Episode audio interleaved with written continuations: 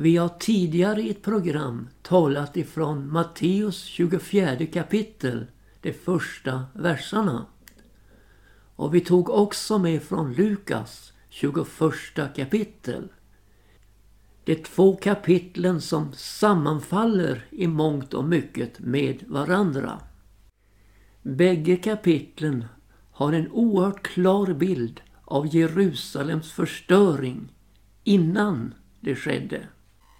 Jesus ger en varningssignal till dem som lyssnar till hans ord för att de ska kunna fly innan belägringen omöjliggör det.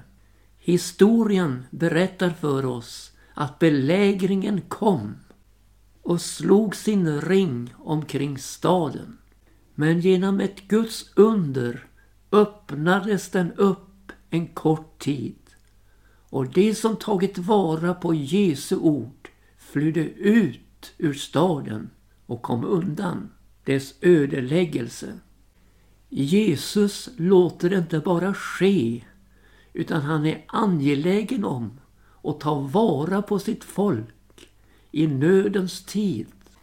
Och därför ger han en ingående profetisk förutsägelse om vad som skulle ske. Så att de som tog vara på hans ord skulle bli räddade. Detta sker utanför helgedomens byggnader. När han sedan kommer till Oljeberget så ger han oss en ingående förutsägelse om begynnelsen till födslovåndorna. Då han talar om förvillelse, krigslarm, rykten om krig, hungersnöd och jordbävningar på den ena orten efter den andra. Och Lukas får med ännu en sak. Farsoter. Farsoter, ja. Vi som upplevt en pandemi med tusentals döda bara i Sverige och skaror utöver världen. Vi gör väl i att akta på dessa ord av Jesus här i begynnelsen av födslovåndorna. Begynnelsen, ja. Lukas framför Jesu ord. När detta begynner ske, då må ni resa er upp och upplyfta edra huvuden, ty då nalkas er förlossning.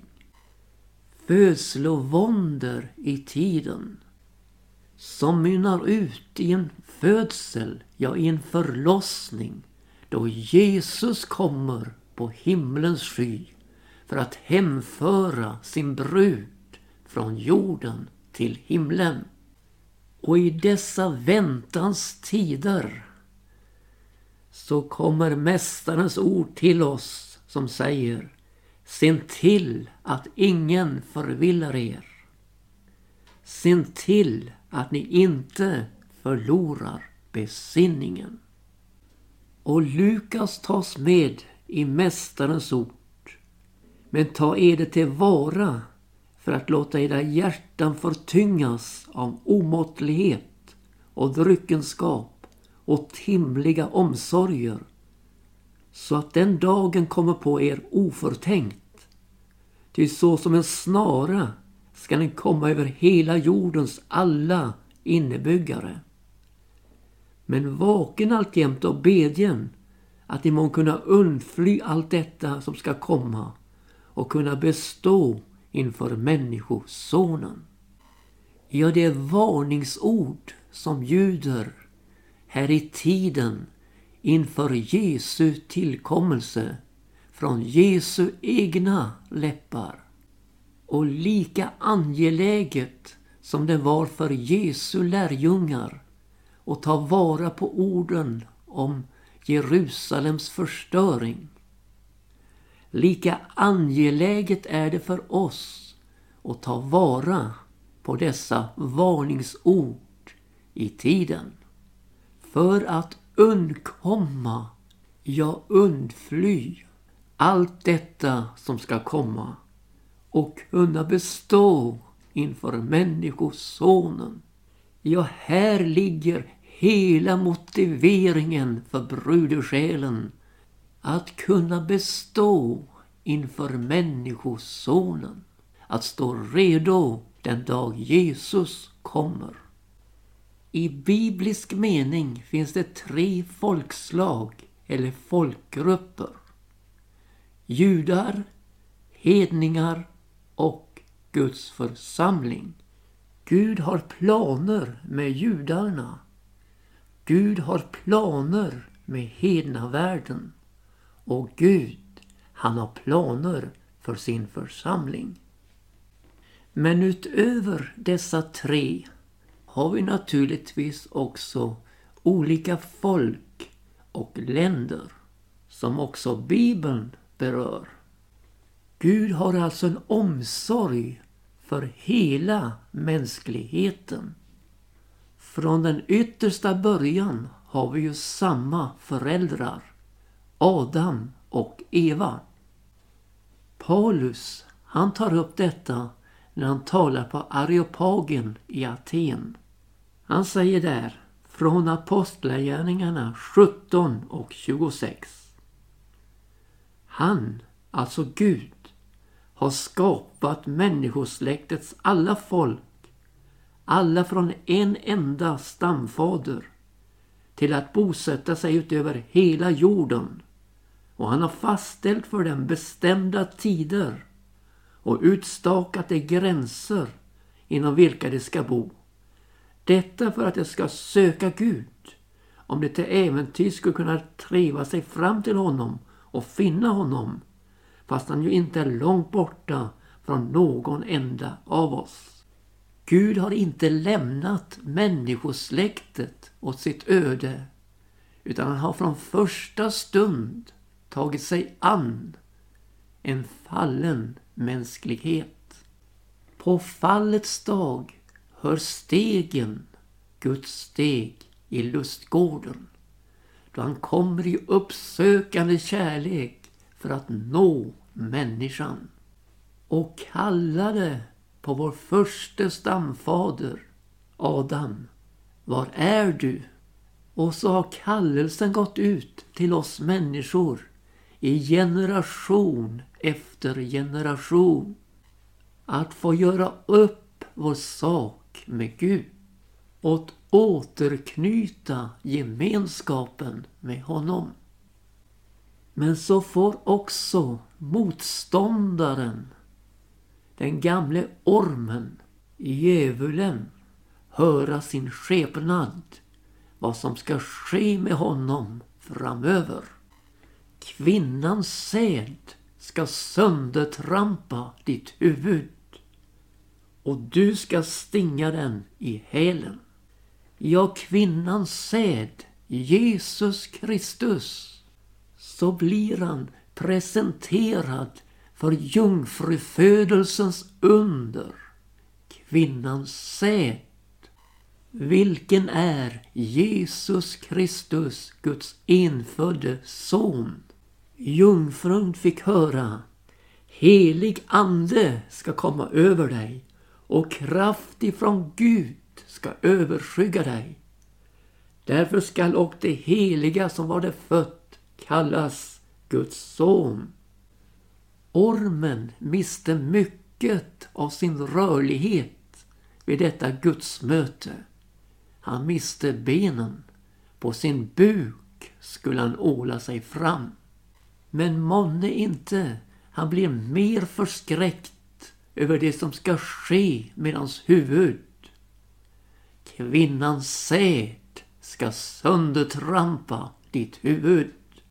Vilket skedde på Golgata då Jesus ropar ut det är fullbordat. Men vi har ännu en detalj från detta möte då ormen får förutsagt sitt öde. Du ska stinga den i hälen. Där har du kristendomsförföljelsen, alltså förföljelsen av Jesu lärjungar.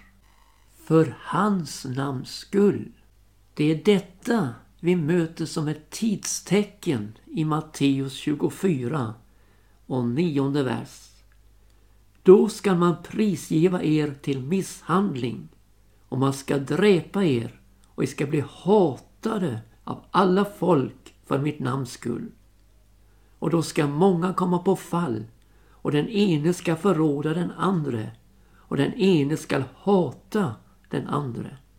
Och många falska profeter ska uppstå och ska förvilla många.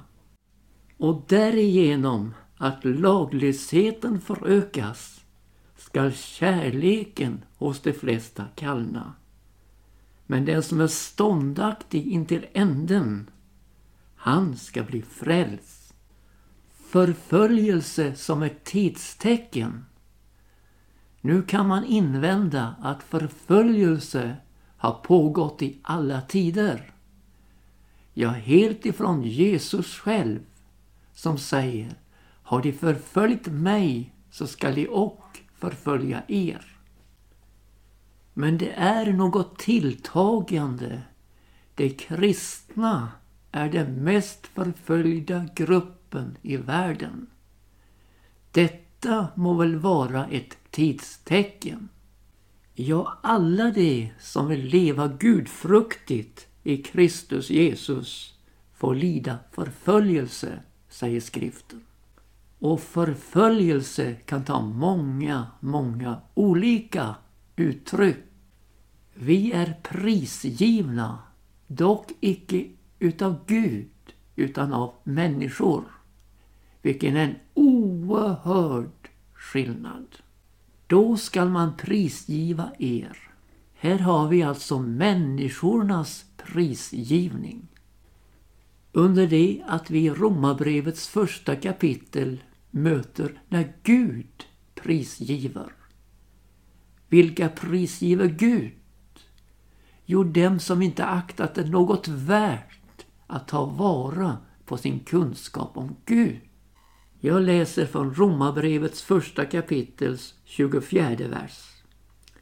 Därför prisgav Gud dem i deras hjärtans begärelser åt orenhet, så att de med varandra skändade sina kroppar. De hade ju bytt bort Guds sanning mot lögn och tagit sig för att dyrka och tjäna det skapade framför skaparen. Honom som är högt lovad i evighet. Amen. För den skull gav Gud dem till pris åt skamliga lustar. Deras kvinnor utbytte det naturliga umgänget mot ett onaturligt. Sammalunda övergå och männen det naturliga umgänget med kvinnan och upptändes i lusta till varandra och bedrev styggelse man med man. Så finge på sig själva uppbära sin villas tillbörliga lön. Eftersom de icke aktade något värt att ta vara på sin kunskap om Gud gav Gud dem till pris åt ett ovärdigt sinnelag till att bedriva otillbörliga ting. Och så kommer den förfärliga listan över denna prisgivenhet. Det heter vidare De har blivit uppfyllda av all slags orättfärdighet, ondska, girighet, elakhet. Det är full av avund, mordlust, trätlystnad, svek, vrångsinthet. Det är örontasslare, förtalare, styggelse för Gud, våldsverkare, övermodiga, stortaliga, illfundiga, olydiga mot sina föräldrar, oförståndiga, trolösa, utan kärlek till sina egna, utan barmhärtighet mot andra.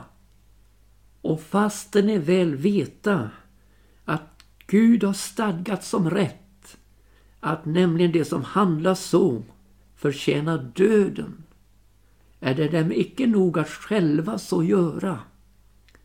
Det giva också sitt bifall åt andra som handla lika så.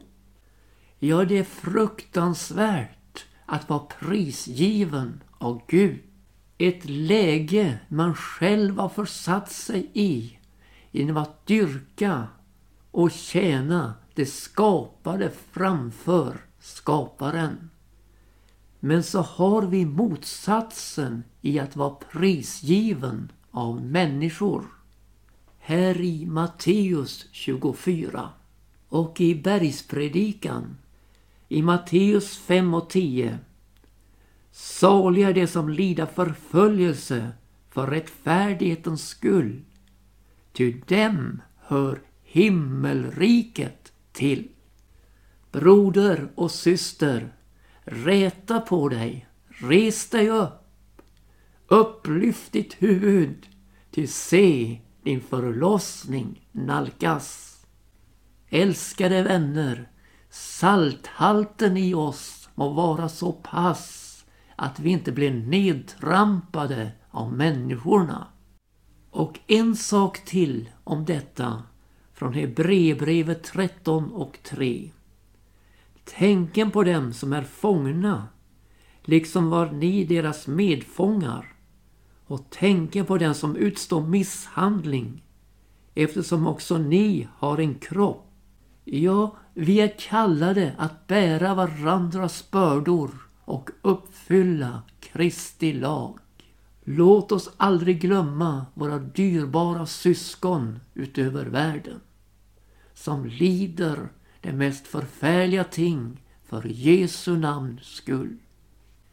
Ett annat tidstecken vi också ska med här från Matteus 24 kapitel är Noas dagar. Ty så som det skedde på Noas tid, så ska det ske vid Människosonens tillkommelse. Så som människorna levde på den tiden före floden, de åt och drucko, män tog sig hustrur och hustrur gåvos åt män, ända till en dag då Noa gick in i arken, och de visste av intet förrän floden kom och tog dem allesammans bort.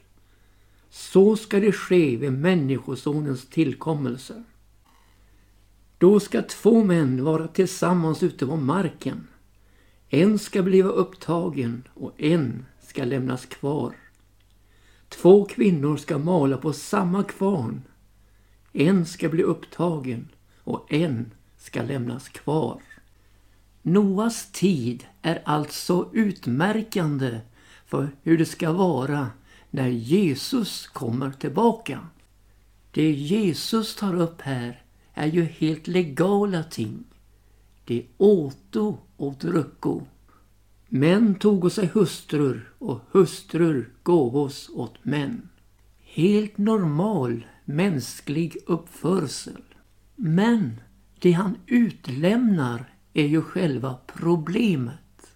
För människorna gick så upp i det här timliga att de inte fick någon som helst tid över för Gud.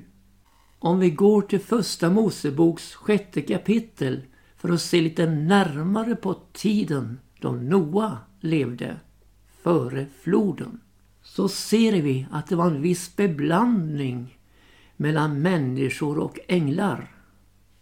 Men så läser vi från femte versen. Men när Herren såg att människornas ondska var stor på jorden och att deras hjärtans alla uppsåt och tankar var beständigt allenast onda.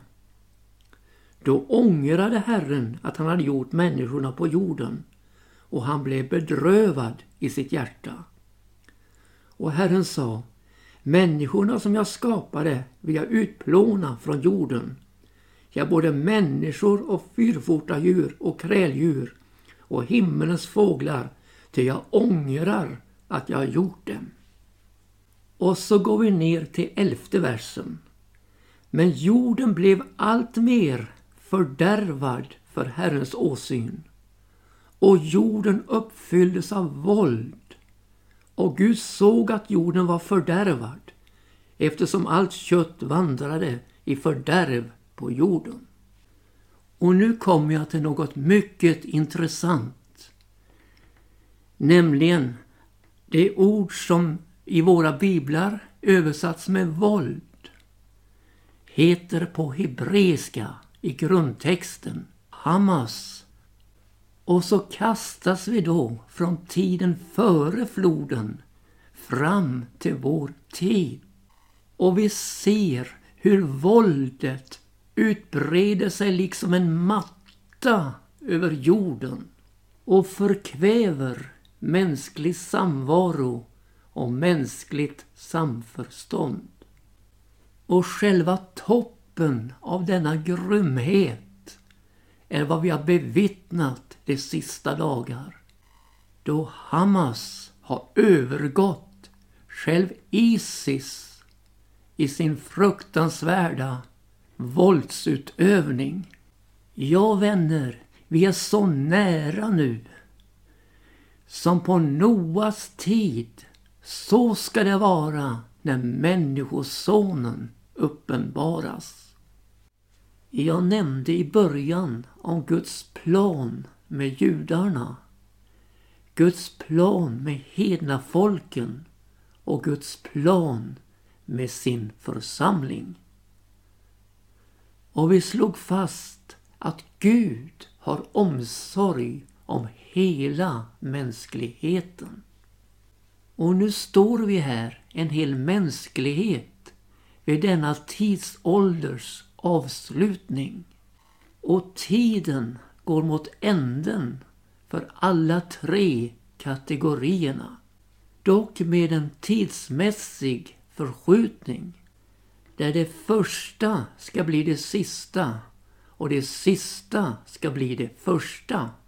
Alltså kommer församlingen, Guds församling, att nå sin fulländning före judafolket når sin fulländning. Församlingen lyfts Herren till mötes på skyn för att sedan alltid få vara hos Herren. Judafolket får vänta på sin fullkomning tills Jesus kommer och sätter sina fötter på Oljeberget. Innan dess kommer svåra tider för detta utsatta folk. En Jakobs nöd ur vilken de blir frälsta. Gud har sina planer. Jesus har allt i sina sårmärkta händer. Och Gud kommer att utgjuta över dem en nådens och bönens ande så de ser upp till honom, till Jesus som de har stungit. Och på den tiden, säger Sakarja, ska Davids hus och Jerusalems invånare få en öppen brunn till att avtvå sin synd och orenhet. Samme profet har tidigare sagt För ditt förbundsblods skull vill jag också släppa dina fångar fria ur gropen där intet vatten finnes. Ja, deras ökenvandring har varit svår, plågsam och dödbringande. Men så får de fatt i den öppna källan, den öppna brunnen förbundsblodet, Jesu Guds sons blod som renar från all synd. Och undret sker, hela Israel blir frälst på en enda dag. Från Sion ska förlossaren komma. Han ska skaffa undan all ogudaktighet ur Jakob. Låt oss visa förståelse för deras utsatta läge och låt oss bedja för deras frälsning och förbereda undret. Ja, judarna fick sig betrott Guds löftes ord under det att hedningarna inte visste något som helst. Men så kom evangelium om Jesus och predikades för en hel värld. Predikades för allt skapat. Och skaror blev frälsta och förda in i Guds församling. Ja, evangelium Guds kraft till frälsning är hedna världens och hedna folkens enda chans. Ja, detta evangelium om riket ska bli predikat för alla folk och sedan skall änden komma. Nu ska vi till att avsluta programmet för den här gången. Och man kan inte annat än att gripas och fascineras över Guds planer för oss människor. Det kommer ett halleluja på läpparna och det kommer ett amen från hjärtat. Låt så ske.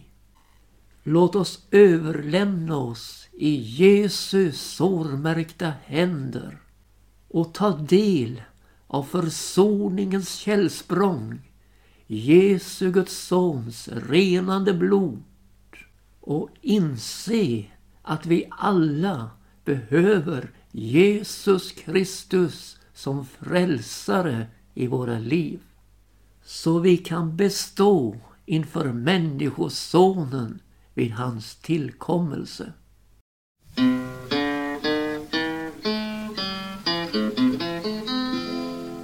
Jesus hade sagt att han kommer snart. Kom nu på skyen igen. Ropet i natten skall lyda